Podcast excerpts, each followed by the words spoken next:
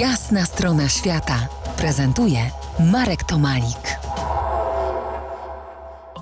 Dzień dobry, Szymonie. Dzień dobry, Marku. Po jasnej stronie świata Szymon Springer, który początkiem stycznia wraz z kolegą Mateuszem Michalskim ruszył pieszo śladami Roalda Amundsena.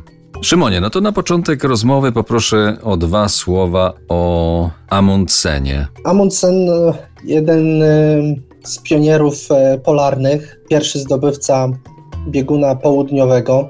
127 lat temu zaraził się polarnymi wyprawami, e, kiedy wraz z bratem Leonem przeszedł, e, znaczy przeszedł, próbował przejść Hardangerwidę, czyli największy płaskowyż górski w Europie. Niestety im się to nie udało, jednak jak widać ta porażka go w żaden sposób nie zniechęciła, bo jest on dla mnie wielką inspiracją też w pewnym sensie osobą kontrowersyjną pod wieloma względami, osobą mocno pragmatyczną, e, chłodną. W obejściu cel był dla niego bardzo istotny, ale jakby to dążenie do określonych e, celów, e, założeń jest dosyć, e, no dla mnie jest mocno inspirujące. Stąd też była też ten pomysł podróży właśnie inspirowany Roaldem, jego dążeniami i tym, co przeżył.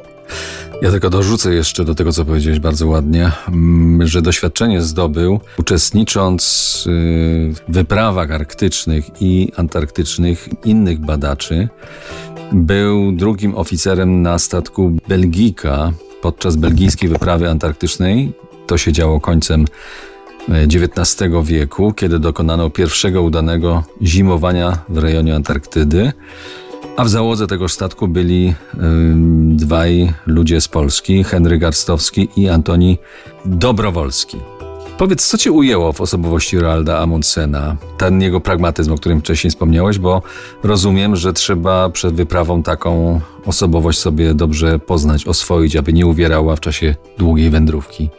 Zdecydowanie tak, ale mocno mnie chyba jego upór w dążeniu do tych celów. No, on był dosyć osobą e, chłodną, trudną w kontaktach. Miał brata Leona, który ogarniał, znaczy załatwiał mu wszystkie sprawy finansowe, później się pokłócili niestety, ale jakby ten upór w dążeniu to była dla mnie taka, że za żadną cenę się nie poddawał raz obranej drodze.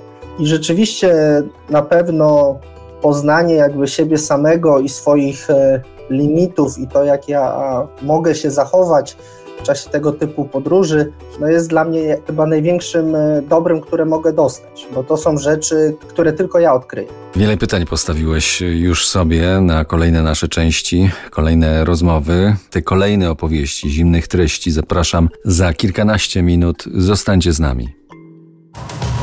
To jest jasna strona świata w RMS Classic.